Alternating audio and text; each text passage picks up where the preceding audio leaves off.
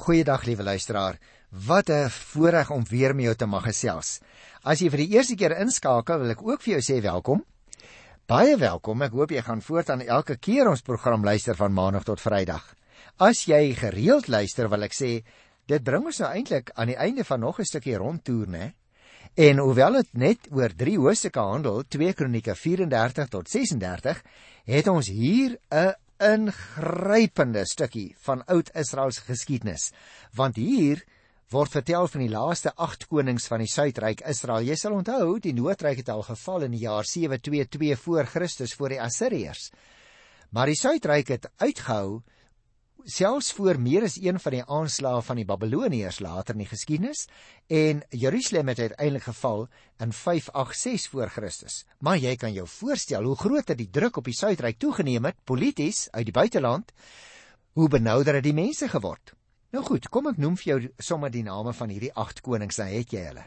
Manasse, Amon, Josia, Joahas, Jojakim, Jojachin en Sedekia. Nou ek wil graag met jou gesels oor hierdie een wat Josia genoem word. Hy was ook tog al 'n hervormer hoor. Nou nie dieselfde formaat as sy voorganger Hiskia nie, maar hy was 'n beroemde man. En baie interessant, die kronieke skrywer is in die eerste plek geïnteresseerd in die tempel en alles wat daar gedoen word. Dit onthou jy.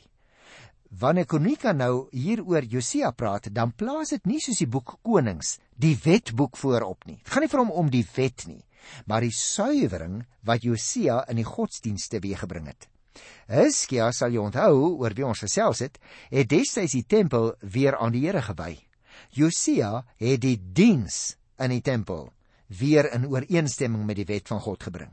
Met ander woorde, Hiskia meer die gebou, hy het ook sekere tempelpersoneel weer aangestel, maar in Josia se geval het die klem meer op die beoefening van die godsdiens elke dag. En dis vanuit daardie gesigshoek dat kronieke oor Josia praat. Kom ons kyk dan so oorsigtelik eers na die eerste 7 verse van 2 Kronieke 34 en dan gaan ek dit so hier en daar vir jou lees. Jy sien, liewe luisteraar, Josia bestry die afgode in Jerusalem en Juda natuurlik. Josia begin reeds as jong seun om die Here te dien. Hy volg die voorbeeld wat Dawid gestel het en hy wy homself en sy volk volkome aan die diens van die Here. Hy sit ook 'n suiweringsaksie aan die gang waarin hy alles wat met afgode te doen het uit Jerusalem en uit die hele land laat verwyder. Om heilig, ja, om toegewyd en suiwer vir die Here te wees, mag daar geen spoor van afgodsdiens of ontrou by Juda wees nie.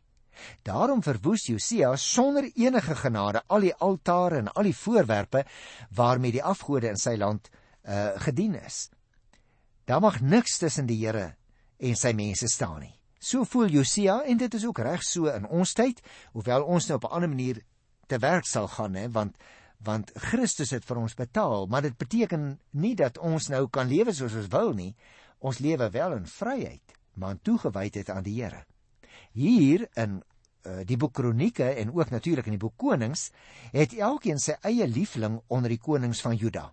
Nou vir die boek Konings het ek al vir jou gesê, was die koning Josia die beliggaaming van die ideale persoon wat van die koningskap gekoester word en in Dawid verwesenlik is. Kronieke laat nie na om op belangrikheid van die regering van Josia vir die geskiedenis te wys nie, maar sy entoesiasme vir Josia is nie heeltemal so groot soos die van Hiskia nie. Ons vind dus ook hier die geval dat Kronieke se berig oor Josia korter is as die verhaal wat ons kry in Konings. Nou goed, kom ons kyk so na die eerste paar versies. Liewe luisteraar, Josia was 8 toe hy koning geword het. En hy het 31 jaar Jerusalem geregeer. Hy het gedoen wat reg was in die oë van die Here. Hy het die pad van sy voorvader Dawid geloop en daar nie links of regs van afgewyk nie. In die 8ste jaar van sy regering, toe hy nog 'n jong man was, het hy begin om die koning van sy voorvader Dawid te dien. En in Jerusalem het hy alles gesuiwer, die hoogtes, die gewyde pale, gesneede, gegote beelde. Hy het persoonlik toegesien dat die altare van die Baals verwoes word en hy die wierookaltare wat bo kan die Baal altaar gestaan het, laat stukkend slaan. Die gewyde pale en die gesneede en die gegote beelde het hy stukkend gebreek, fyn gemaal en oor die grafte van die wat vir hulle offerandes gebring het gestrooi. Die bene van die afgodspriesters het hy op hulle eie altare laat verbrand. So het hy Juda en Jerusalem skoon gemaak en ook die stede van Manasse en Efraim en Simeon tot by Naftali en ook die ruïnes van die omgewing. Hy dwars oor die gebied van Israel altare afgebreek, gewyde pale en beelde in stukkies gekap en al die wierook altare stukkend gebreek. Daarna is hy terug Jerusalem toe. Nou, liewe luisteraar, dit gee vir ons 'n indruk van die omvang van Josia se hervorming. Maar omdat ek ook graag ietsie wil sê oor die res van die geskiedenis tot en met die val van Jerusalem, gaan ek ook net van vers 8 tot by vers 33 oorsigtelik behandel. En ek gaan dit doen, liewe luisteraars, om vir julle sommer 'n samevatting daarvan te gee. Jy sien, ook die tempel word gereinig en die wetboek word daar gevind. Maar anders as in die weergawe wat ons kry in 2 Konings 22, sien die kroniekskrywer die herstel van die tempel in Josia se tyd nie as iets nuuts nie, maar as 'n voortsetting van Josia se suiweringsaksie. Omdat kronieke so belangstel in die diens by die tempel, voeg dit 'n deel by, so vers 12 en 13 byvoorbeeld, oor die aandeel van die leviete aan die herstelwerk by die tempel. Met ander woorde, ons moet raak sien, die suiwering van die tempel wat Josia onderneem om die eksklusiewe diens aan God moontlik te maak, kry nog 'n verdere hulpstoot wanneer daar afgekom word op 'n boekrol by die tempel. Nou ek het in detail met u daarmee gesels toe ons ook twee konings behandel het, liewe luisteraar, en is dit nie vir ons duidelik nie, sal jy nog onthou, of die hervorming begin het toe die tempel skoon gemaak is en hulle kry die boekrol of moontlik ook het hulle eers die boekrol gekry en toe die tempel skoon gemaak en herstel. Ons weet nie presies nie, maar ek wil dan ook nou nie daaroor spekuleer nie. Ek dink wat ons wel moet raak sien in Josia se lewe is dit. In sy lewe was daar 'n paar sake wat vandag nog steeds van belang is vir elke gelowige. En dit is wat ek graag wil uitlig omdat ons program se naam tog is die Bybel vir vandag nie waar nie. Byvoorbeeld, Josia het van jongs af die Here gedien. Hy het alles verwyder wat tussen hom en die Here kon kom staan. Niks was vir hom belangriker as sy getrouheid aan die Here nie. Hy het selfs hardhandig te werk gegaan om alle spore van afgodsdiens uit sy eie lewe te verwyder. Hy het hom ook ernstig laat waarsku deur God se woord. Hy het nie gehuiwer om volgens daardie woord te lewe nie, om alles in sy eie lewe en ook in sy volk se lewe in ooreenstemming daarmee te probeer bring nie. Hy was bewus van al die verkeerdheid wat daar in sy volk se geskiedenis was. Hy het dit nie ontken nie. Dit het hom egter nie moedeloos gemaak nie, luisteraars. As jy die verse gaan lees tot by vers 33 dan sal jy dit sien. Maar dit het hom aangespoor om sy saak met die Here reg te maak en opnuut 'n verbintenis met die Here aan te gaan en vir die Here te lewe. Ons moet nooit vergeet nie, broer en suster. Een persoon wat vir die hele Here lewe, voluit lewe elke dag, een persoon wie se oë oor die Here blink, een persoon in wie se mond daar 'n lied is, een persoon in wie se gang daar 'n vaste tred is agter die Here aan. Daardie persoon veroorsaak 'n suigkrag. Dit was in Josia se tyd so, dit is in ons tyd ook nog so. Die uitstel van die oordeel waarvan ons hier lees, is dus 'n teken van God se groot genade waarop jy en ek ons ook gelukkig mag beroep. En dan kom 'n mens by die 35ste hoofstuk. Jy sal sien, die opskrif daarvan is die groot Paasfees en daarna ook die verhaal van hierdie baie baie begaafde koning Josia. Ek gaan nie vandag weer met jou praat oor die Paasfees nie, liewe luisteraar, want ek het dit uh, al van tevore bespreek, soos byvoorbeeld toe ons Hiskia behandel het en toe ons ook gesien het hoe dit hy die Paasfees weer herstel het. So ek wil net 'n opmerking maak oor koning Josia se dood. Ek dink 'n mens sou kan met goeie reg kan sê, dit is met groot teleurstelling dat kronieke vertel hoe Josia aan sy einde gekom het. Josia was die opregte koning wat God se oordeel oor sy volk nog vir 'n lang tyd teruggehou het. Jy sal onthou hoe dit hy gesterf het in 'n veldtog toe 'n vryvliegende pyl hom getref het deur sy harnas in sy bors en in sy uh, strydwa het hy gesterf en het hom teruggeneem Jerusalem toe. Maar selfs hierdie man kon fouteer en onder God se oordeel kom. Josia se fout, liewe luisteraars, sal jy onthou toe ons dit bespreek het, was dat hy nie gedink het dat die Here ook ander mense uit ander volke in sy diens kan gebruik en deur hulle met sy eie gelowiges kan praat nie. Daarom onthou jy daardie verhaal. Die Egiptiese farao Neko wat met sy leer na Mesopotamië toe opgeruk het om min te gaan slaan uit die geveg tussen Assirië en Babilonië. Toe het Hosea hom by Megiddo gaan voorlê om teen hom te veg. Neko het vir Josia laat weet dat die Here hom gestuur het om teen die Babilonië te gaan veg en dat Josia hom moet uitlos. Josia het Neko se boodskap geïgnoreer want hy het nie gedink die Here kan ook deur heiden werk om met 'n gelowige te praat nie. Omdat Neko na sy mening net bloot 'n heidense koning was en 'n mens hoef jou nie eers aan so iemand te steur nie, het hy vir homself gesê. Hy het gedink dat Neko nie deel kon wees van God se plan nie. En die fout het sy lewe gekos toe daardie vryvliegende pyl hom getref het. Net so moet jy en ek, liewe luisteraar, in ons tyd wat daar ook baie mense in ons land en in die hele wêreld is wat die Here Jesus nie erken nie. Ons moenie dink die Here kan nie soms ook deur hulle werk nie. Soms ook deur hulle vir ons aanspreek nie. En daarom as jy nou kyk, dan sal jy nou sien hier van hoofstuk 36 af in 2 Kronieke. Volg die een koning baie vinnig die ander op. Wat vir ons 'n aanleiding is. Hoe groter die druk van die Babiloniërs nou begin word het op die suidryk Juda, hoe meer angsbevange het die mense geword. Daarom kry ons die geskiedenis van Joahas. Jy kan dit gerus gaan lees en dan van Jojakim en dan van Jojagin. Kom ek gesels so 'n bietjie oor hulle want hulle uh, ek wil nou nie te lank tyd aan hulle spandeer nie. Jy sien met Juda het dit nou eenvoudig vinnig afdraand begin gaan. Dis soos 'n grafiek wat afgaan, hè. As jy twee konings gaan lees, dan sal jy meer besonderhede kry oor hierdie konings en daarom wil ek dit nou nie weer bespreek nie. Is baie interessant wel.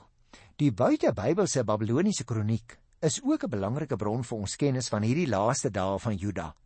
Kronieke beskryf die ballingskap as onvermydelik en noodwendig van hierdie oomblik af aan. Met ander woorde, volgens die kroniekskrywer is daar nou geen ommekeer meer nie. Die tol het begin draai en hy draai al vinniger. Juda is op pad na sy einde toe. Die geskiedenis, dink ek kan soos volg saamgevat word. Die mag in die ou nabye ooste het na die Neo-Babiloniese ryk van Nebukadneser begin verskuiwe. Jojakim was aan die begin 'n loyale vasal, né, iemand wat belasting betaal het. Hy verower dit en maak so einde aan die onafhanklikheid van Juda. Luisteraar, dat Nebukadneser vir koning Jojakim geboei in brons kettinge na Jerusalem toe weggevoer het, lees ons daar in vers 6. In vers 7 en in vers 10 word ons dan voorberei dat die tempelvoorwerpe wat in die nuwe tempel sou staan, dieselfde sou wees as die wat in die eerste en die verwoeste tempel gestaan het. En hiermee word die kontinuïteit tussen die eerste en die tweede tempel gewaarborg.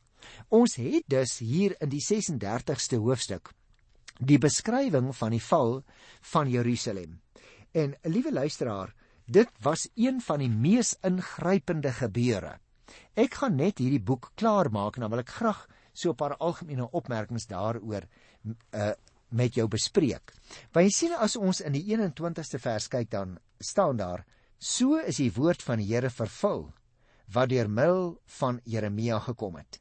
Die ballingskap het aangehou totdat die land vir sy sabbatsjare vergoed is.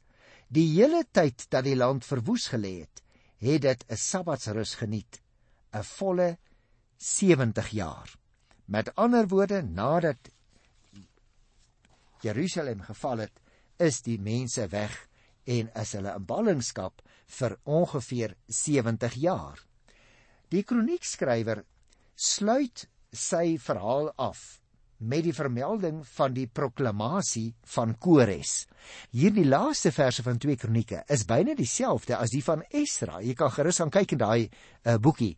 Maar deur daardie woorde nou hier in te voeg luisteraar, verkry Kronieke 'n hoopvolle einde. Met ander woorde en dis belangrik. Die kroniekskrywer wil nie hê die mense wat nou sy geskiedenis lees moet hooploos wees nie. Daarom vertel hy ook vir hulle in sy geskiedwerk van die proklamasie van die Persiese koning Kores wat later gemaak is. Die geskiedenis word dus verbind aan die nuwe begin waarvan Esra en Nehemia sou skrywe. Die straf waarmee kronieke andersins sou eindig, is nie die finale einde nie. Daar is herstel ander kan die oordeel. Die oordeel moet louter reinig dan is daar weer 'n nuwe toekoms. En dit bring ons, liewe luisteraar, aan die einde van 2 Kronieke. Maar ek het net nou gesê ek wil vir jou so ietsie vertel van die val van Jerusalem en daardie stukkie geskiedenis omdat dit so belangrik is. Kom ek maak 'n paar opmerkings. Jerusalem is voor die groot katastrofe van die van 586 voor Christus meermale ingeval. Ons moet dit net onthou, onder andere in 597 voor Christus, toe koning Jojagin tot oorgawe gedwing is. Hy was toe maar nog net 3 maande op die troon hè en ook bekend as Jegonja of Gonja. Die koning en sy moeder en sy belangrikste amptenare saam met die ryk mense en die ambagsmanne en die vooraanstaande persone weggevoer na Babel toe. Onder hulle was daar ook priesters, soos die bekende Esegiel byvoorbeeld. Terloops luisteraar, Esegiel is eers in Babel tot profeet geroep. In Jojagin se plek het Nebukadneser toe vir Jojagin se oom, naamlik Matanja, die derde seun van Josia wat koning geword het, as vasal koning oor Juda aangestel. Die Babiloniese koning het te gelyk sy nuwe onderdaan verder verneder deur sy naam te verander na Sedekia. Die benarde posisie van die onderworpe staat Israel en sy marionette koning blyk veral uit die ekonomiese en die godsdienstige agteruitgang wat toe baie baie vinnig toegeneem het. Met ander woorde dit het al moeiliker en al slegter in die land gegaan. Nou moet ons dadelik verstaan, die druk op Jerusalem is 'n kort rukkie verlig toe die Babiloniërs eers moes gaan aandag gee aan die oprukkende Egiptenaars. En weer eens is Jerusalem onderhore gemaak. Dit alles sou egter maar net die finale vernietiging van Jerusalem 'n klein rukkie uitstel. Mens moet ook dit onthou. Omdat Jerusalem so 'n sterk vesting was, het die Babiloniese beleg uiteindelik 18 maande geduur luisteraars van die 10de dag van die 10de maand van Sedekia se 9de regeringsjaar tot die 9de dag van die 4de maand van sy 11de jaar vertel die Bybel vir ons. En toe hy sien hoe naby die einde in sig is, het koning Sedekia in die nag na Ammon toe probeer wegkom, maar is naby Jerigo gevange geneem toe is hy na Nebukadneser se hoofkwartier daar by Ribla geneem. En daar moes hy eers aanskou hoe sy seuns wreed om die lewe gebring word. Toe is hy self verblind en as gevangene na Babel toe weggeneem waar hy uiteindelik in gevangenskap dood is.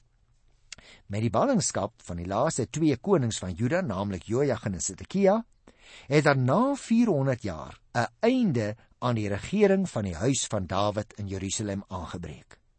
'n Maand nadat die Babiloniërs Jerusalem binnengedring het, het een van Nebukadneser se generaals, Nebuzaradan, gekom en die grootste deel van die mure rondom die stad afgebreek.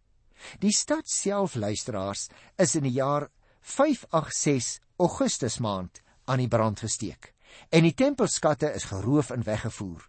Daarna is die tempel saam met die koninklike paleis en die groot luukse huise van Jerusalem aan die brand gesteek. Die een groot vraag wat nog nooit opgelos kon word deur die geskiedenis nie, is of die verbondsark vernietig is, of dit verbrand is en of dit saamgeneem is Babel toe. Tussen hakies niemand tot vandag toe kon ooit nog die regte antwoord gee nie. As 'n mens die boek Klaagliedere gaan lees, dan kry jy 'n gedeeltelike indruk van die situasie net na die verwoesting in Jerusalem. Dit gee mens ook 'n indruk van die hongersnood wat tydens daardie beleg geheers het. Was geweldig. Jy sal nog onthou hoe dat die een vrou uh eers haar babatjie geslag het en toe die ander vrou. Die mense het regtig niks oorgehad nie. Hulle het eers die mis wat gekom het uit die geete van die dak op die tempel. Eers die mis gaar gemaak en vir baie geld verkoop. Later het hulle eie kinders begin slag en eet. Dit was 'n verskriklike tyd. Die oogmerk met die omvangryke van woesting was sekerlik dat die plek nooit weer as die sentrum van 'n opstand sou kon dien nie. Dis egter luisteraars nie net goedere wat weggevoer is nie. Het jy geweet 'n hele klomp van Juda se leiers is na Ribla toe geneem en daar is hulle om die lewe gebring. Hoewel baie leiers alreeds van tevore 10 jaar van tevore in die jaar 597 weggevoer is. Met ander woorde, almal in Jerusalem en die provinsie Juda is nie in ballingskap weggevoer nie. Ten minste 'n groot deel van die arm landbouers byvoorbeeld is agtergelaat om die grond te bly bewerk, want die Babiloniërs wil hê hierdie mense moes belasting betaal en daarom moes sommige agterbly om die grond te bewerk om inkomste kom te kon genereer wat dan aan die Babiloniërs gegee moes word. Ek wil ook dadelik sê, liewe luisteraar, dis baie moeilik om presies vas te stel wie almal weggevoer is en ook presies hoeveel gevangenes daarbey betrokke was. Die totale aantal persone wat in die jaar 597 en weer in 586 weggevoer is, word in Jeremia 52 getel op 4600, terwyl 2 Konings 24 10000 ballinge noem. Tussen hakies, daar's 'n Ou Testamentikus met die naam van Kittel wat bereken die totaal dit wil sê vroue en kinders bygetel, het daardie weggevoerde getal mense gebring op 30000 in die jaar 597 en ook nog weer 15000 toe Jerusalem geval het in 586. Nou dit gee ons net so 'n bietjie 'n oorsig van die geweldige ingrype wat die val van Jerusalem ingehou het vir die Judeërs. Maar ek dink, liewe luisteraar, een ding staan soos 'n paal bo water. Die swaartekrag van die Joodse volkslewe is uit Jerusalem verskuif na Babilonië. En 'n laaste aspek wat ek ook wil vermeld is dit. In teenstelling met wat die Assiriërs vroeër in 722 voor Christus met die inwoners van Samaria in die Noordryk gedoen het, het die Babiloniërs geen vreemde bevolking van elders af na Juda toe laat immigreer nie. Die situasie in Jerusalem was dus anders as die van die Noordryk in drie opsigte. Nommer 1. Juda as staat is wel verwoes en onderwerp, maar later is dit weer herbou. Anders is die Noordryk, nee, hulle het nooit weer herstel nie. 'n Tweede verskil is dit: van die inwoners van Jerusalem wat weggevoer is as ballinge, is nie vervang deur vreemdelinge nie. En dit is 'n baie belangrike aspek want jy sien vroeër het die Assiriërs die beleid gehad, hulle sit vir hulle selfe mense in die Noordryk, maar die Babiloniërs het dit nie gedoen nie. En die derde belangrike verskil tussen die twee wegvoerings is dit: die gebied in Juda was nou 'n provinsie van die groot Babiloniese ryk. Hulle is nie net vernietig om vernietig te word nie, hulle is ingeskakel by 'n groter wêreldryk. En daarom kan 'n mens verstaan waarom die kroniekskrywer sy verhaal afsluit met die proklamasie van Kores. Dit gryp eintlik 'n bietjie uit vooruit in die geskiedenis en daarom wil ek nou nie vandag daaroor gesels nie. Oorsigtelik 'n laaste opmerking. As 'n mens die boek 2 Kronieke lees, dan kom jy een ding agter. Die skrywer of skrywers wat verantwoordelik was daarvoor, beoordeel die konings van die Suidryk net aan een vraag het hulle die Here gedien of nie? As hulle die Here gedien het, dan teken hy hulle as mense wat goeie konings was. As hulle die Here nie gedien het nie, dan was hulle nie goeie konings nie. En daarom beskryf hy ook uiteindelik die wegvoering. Maar ook 'n liggie hoop. Daar sal weer 'n klompie mense terugkom. Net so kan jy en ek ook op die Here bly hoop al het ons so dikwels droog gemaak. Wonderlike wonderlike God is hy nie? Ek groet jou in sy naam tot volgende keer. Tot dan. Totsiens.